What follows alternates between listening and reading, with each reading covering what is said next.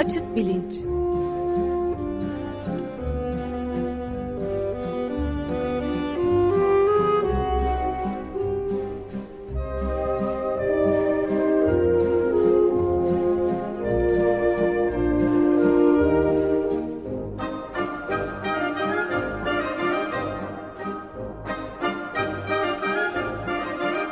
Güven Güzeldere ile bilim ve felsefe sohbetleri. Günaydın Güven Bey, merhabalar. Günaydın Ömer Bey. Günaydın. Günaydın Özdeş. Evet, Ağrı Acı dizisine e, artık sonlarına doğru geliyoruz herhalde ama bugün de onunla devam ediyoruz. Evet son bir bölüm daha yapacağız. Yani ben bir iki bölüm olur diye düşünerek başlamıştım. Neredeyse on bölüm falan oldu. Çok uzadı. Hatta başka e, acı ağrı konusuna temas eden ilginç meseleler de ortaya çıktıkça onları seri bittikten sonra ayrıca ele almaya karar verip e, erteledik. E, gelecek hafta e, Ömer Bey siz olmayacaksınız. Özdeş'le ben bu acı ağrı serisini biraz da derleyip toparlayıp kapatacak bir program yaparız diye düşündüm.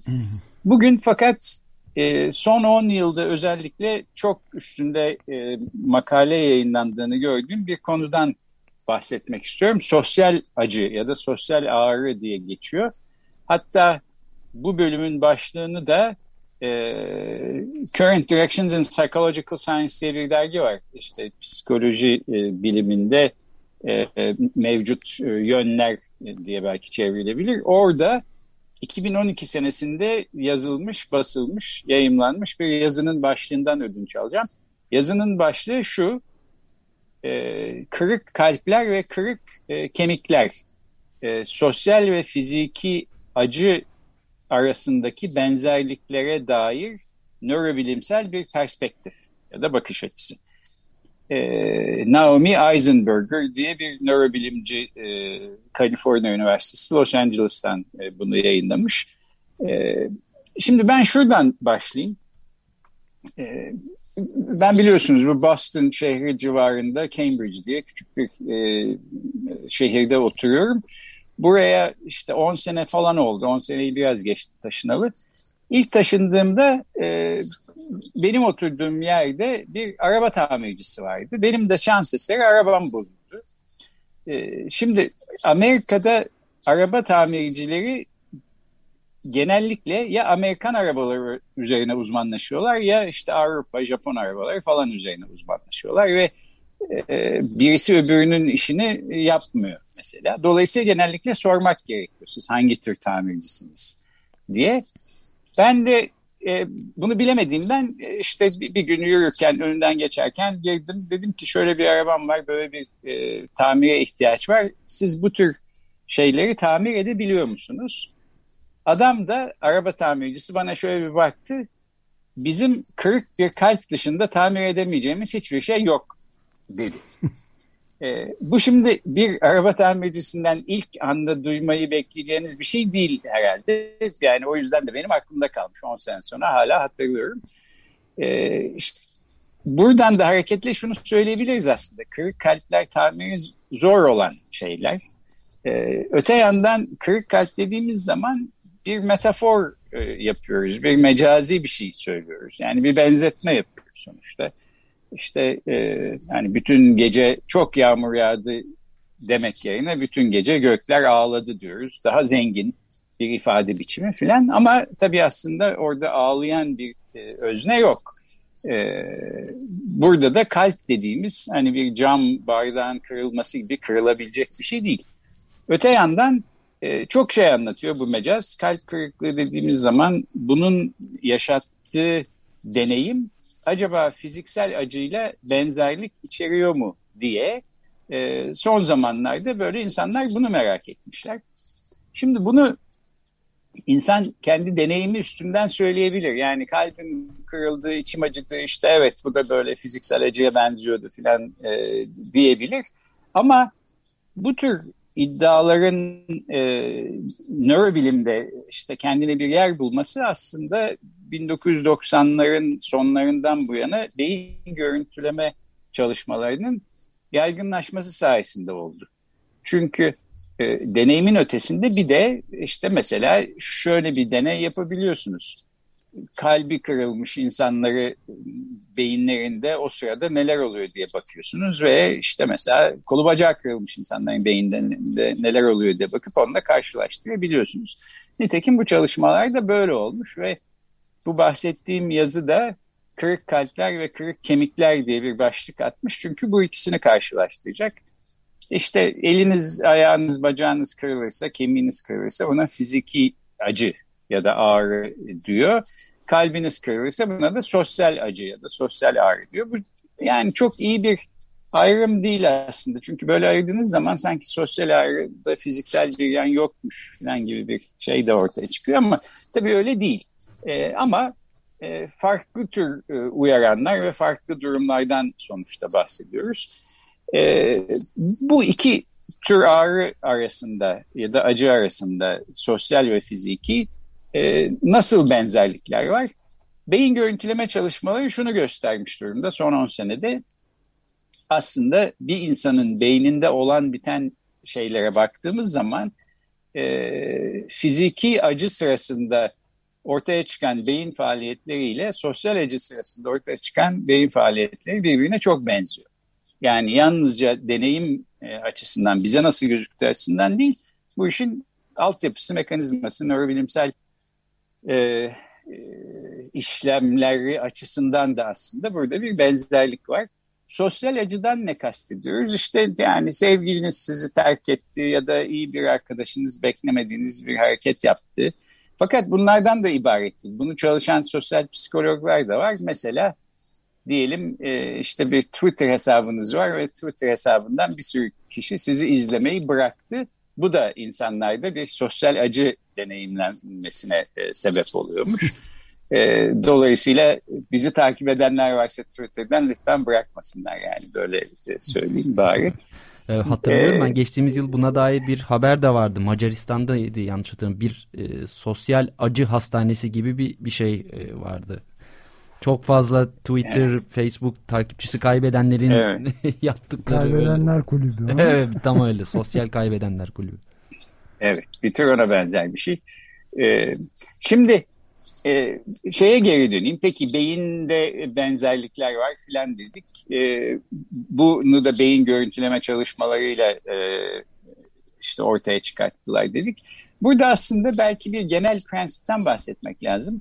Şimdi e, beynimiz aslında nispeten küçük bir organ. Yani biz işte ne bileyim e, 70 kilo, 80 kilo falan e, ağırlığında bir bedene sahip e, yaratıklarız ama beynimiz ancak bir buçuk kilo e, ağırlığında işte yani iki yumruğumuz büyüklüğünde filan.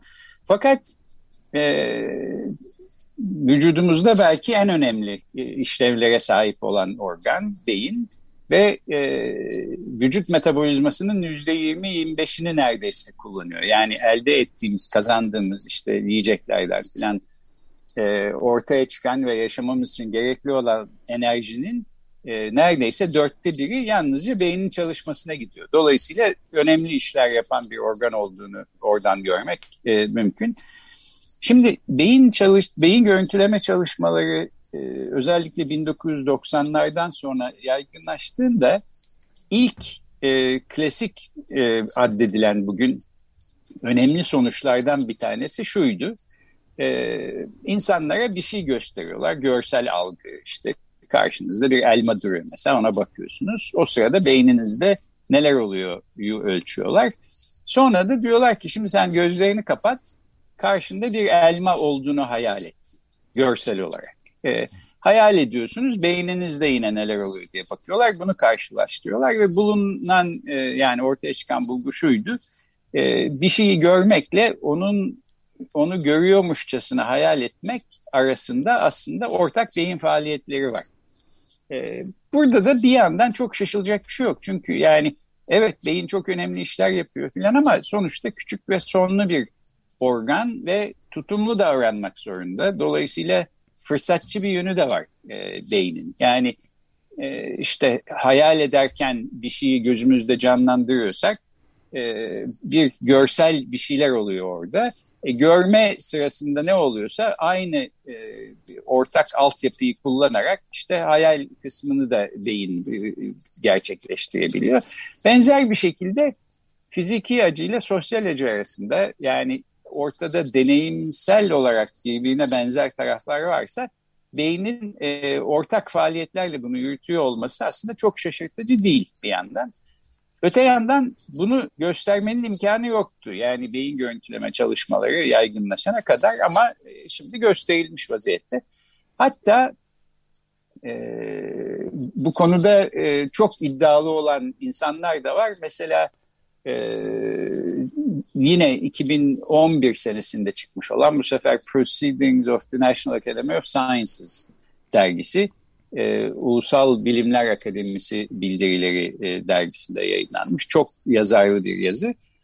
Diyor ki şimdiye kadar e, işte mesela sosyal olarak birisi sizi tersledi ya da işte Twitter'da takip etmeyi bıraktı ya da ters bir söz söyledi ya da küçük düşürdü başka insanların e, önünde filan. Orada hissettiğiniz ya da yaşadığınız deneyim e, belki acının ya da ağrının bir boyutuna e, tekabül ediyor diye düşünüyorduk. İşte bir rahatsızlık hissine falan ama e, acı olarak bunu kategorize edemiyorduk. Halbuki diyorlar ki biz şimdi gösterdik ki aslında her açıdan e, duyusal kısmına da e, acının, fiziksel acının ve ağrının tekabül edecek yanları var sosyal acının. İşte bunu e, beyin mekanizmaları açısından da gösteriyorlar filan. Yani bunu bu, e, ya şeyde mi görüntüde mi ispat ediyorlar aynı şey ya yaklaşık kavramlar olduğunu aynı acının sosyal evet, acıyı. Evet yani e, mesela işte e, eli kırılmış ya da bacağına bir şey batmış işte şeyi sızlayan e, bir uzvu sızlayan insanları beyin görüntülemeyle, fonksiyonel e, manyetik rezonans görüntülemeyle işte o makinenin içinde beyninde neler oluyor diye bakıyorlar. Bir de işte e, sosyal açıdan terslenmiş ya da sosyal ağrı, acı duyan birisine işte e, eşi yeni terk etmiş, kendisini ihanete uğramış gibi hissediyor arkadaşı dostu tarafından işte bir yanlış e, şeye e, maruz bırakılmış harekete davranışa falan. Bu insanlara bakıyorlar ve burada ortak noktalar olduğunu gösteriyorlar. Bütün bu yazılar bu konuda çıkmış bir e, 30-40 tane makale buldum. Hepsi aynı şeyleri iddia ediyor.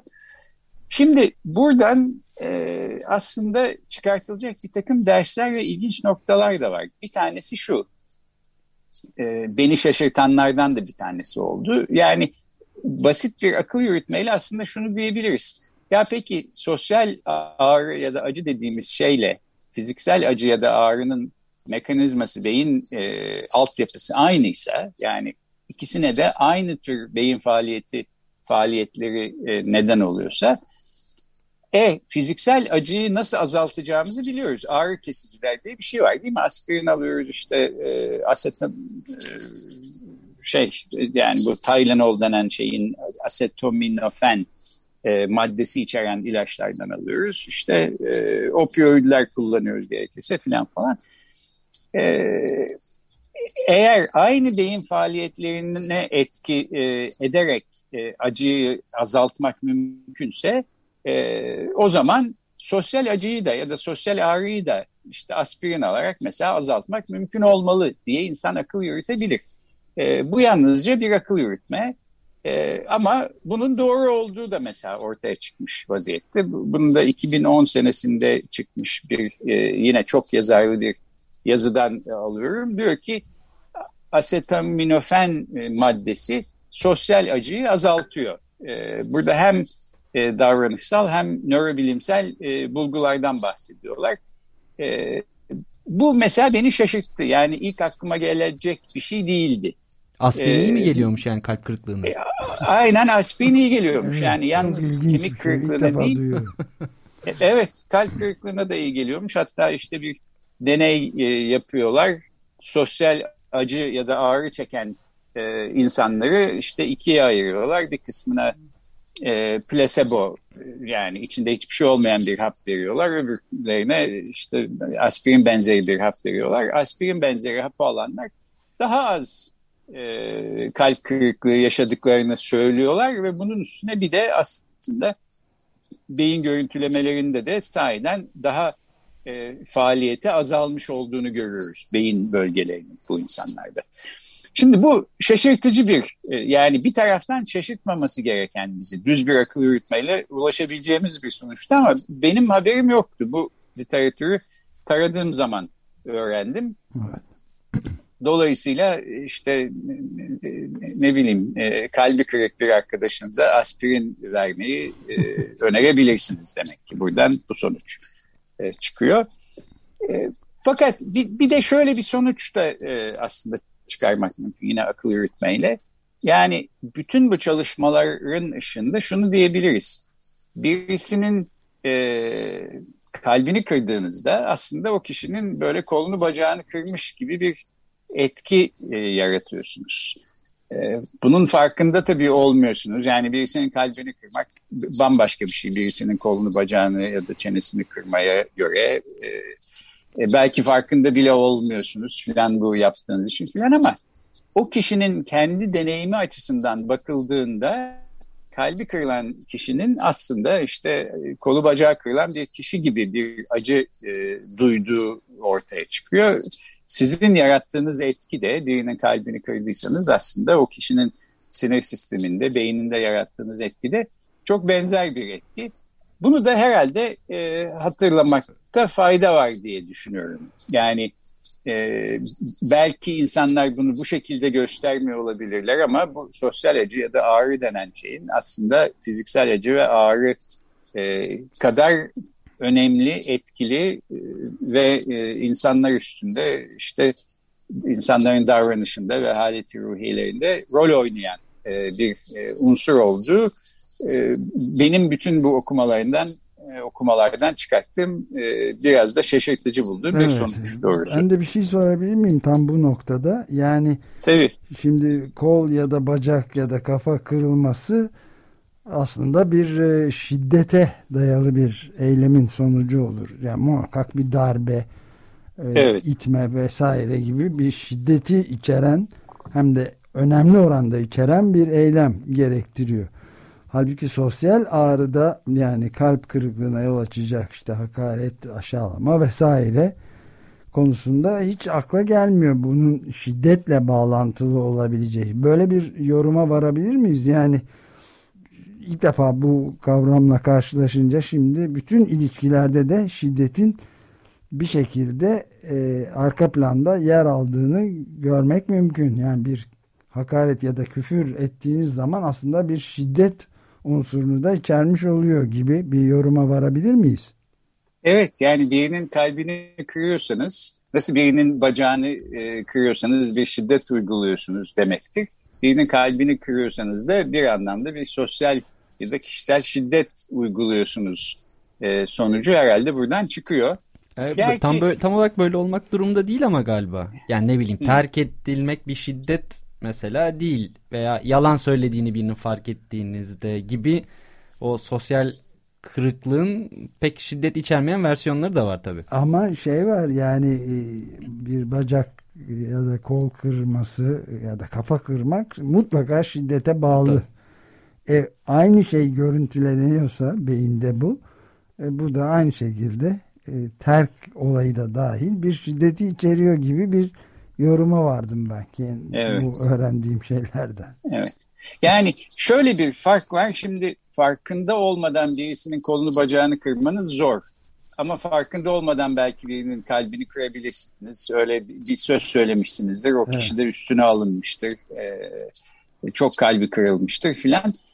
Belki böyle bir fark olduğu söylenebilir. Yani bu açıdan özdeş hak veriyorum ama e, sonuçta deneyimlenen etki açısından belki e, her e, kişi, sosyal ağrı ya da acı duyan kişi de, fiziksel acı ya da ağrı duyan kişi de bir şiddete maruz kalmıştır e, bir çıkarım olarak belki söyleyebiliriz. Yani bu ikisi arasında bu kadar benzerlik varsa o zaman e, belki ona neden olan şeyler farklı olsa da sosyal ağrı ya da acıyla e, fiziksel acı ya da ağrıya neden olan şeyler farklı olsa da e, deneyimlenmesi açısından yani birinci elden birinci tekil şahıs açısından baktığımızda e, arada çok da bir fark yokmuş gibi gözüküyor. Zaten e, şaşırtıcı olan kısmı da bence bütün bir literatürün bu oldu. Benim için böyle oldu. Evet çok çarpıcı ben de doğrusu. Hem de bunu bu, bu sözünü ettiğiniz oldukça e,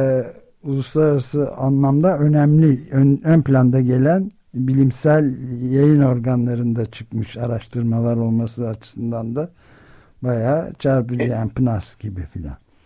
Evet yani bir 10 sene kadar önce benim anladığım böyle bir e, şey e, yükselme olmuş ve e, 30-40 kadar e, makale, 30-40 değişik yerde yapılan araştırma son derece e, prestijli bilimsel dergilerde yayınlanmış. Şimdilerde bu kadar e, bu konuda makale çıktığını görmüyorum fakat o büyük ihtimalle artık bu konunun e, bir ana akım haline gelmiş olmasından yani sosyal e, acıyla fiziki acının ortak yönleri olduğu ve birbirine düşünülenden daha benzer olduğu kabul görmüş gibi gözüküyor bilim dünyasında. Artık e, kimse onu sorgulamak ihtiyacı duymuyor filan gibi ki yani e, hani sosyal ağrıya bile e, acıya bile e, aspirin gibi bir ilacın iyi geldiği e, ortaya çıktıysa e, evet yani bulgular bu sonucu destekliyor gibi görüyorum ben de. Evet. Peki buradan e, uzun ve orta ve uzun vadede nasıl bir sonuca varmamız gerekiyor? Bu bulguların ışığında. E, vallahi bilemiyorum fakat ben en azından şöyle düşünür oldum. Yani dediğim gibi birisinin belki kolunu bacağını farkında olmadan kırmak pek olacak bir şey değil. Ee, ama farkında olmadan birisinin kalbini kırıyor olabiliriz. Herhalde iki defa düşünmemizde fayda var. Yani kalp kırıklığı bu kadar aslında etki yaratan ve kol bacak kırıklığı gibi neredeyse insanları etkileyen bir şeyse her söylediğimiz sözün, her yaptığımız davranışın filan e, üstünde belki iki kere düşünmemizde daha hassas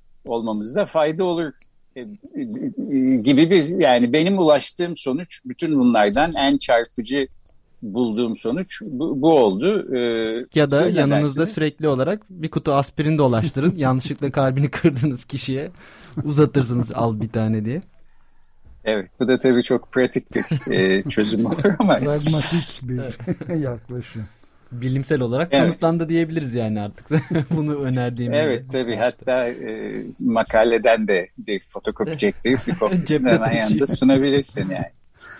Evet, Neyse yani ge evet genel olarak işte bu fiziki ağrıyla sosyal ağrı ya da acı e, konusu da böyle bu şekilde bu acı ağrı serisinin e, son bölümü de bu olsun. Yani hani e, makalelerden bir şey aktardığımız son bölümü bu olsun.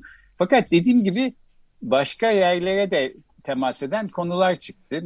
Mesela bir tanesi işte artık salgın sona erdi diyoruz ama e, Covid enfek Covid enfekte olmuş sonra hastalığı atlatmış insanların bazı rahatsızlıkları oluyor. Bunlardan bir tanesi Covid'e özel, Covid ilintili bir baş ağrısı mesela. Bu konuda çalışmalar var.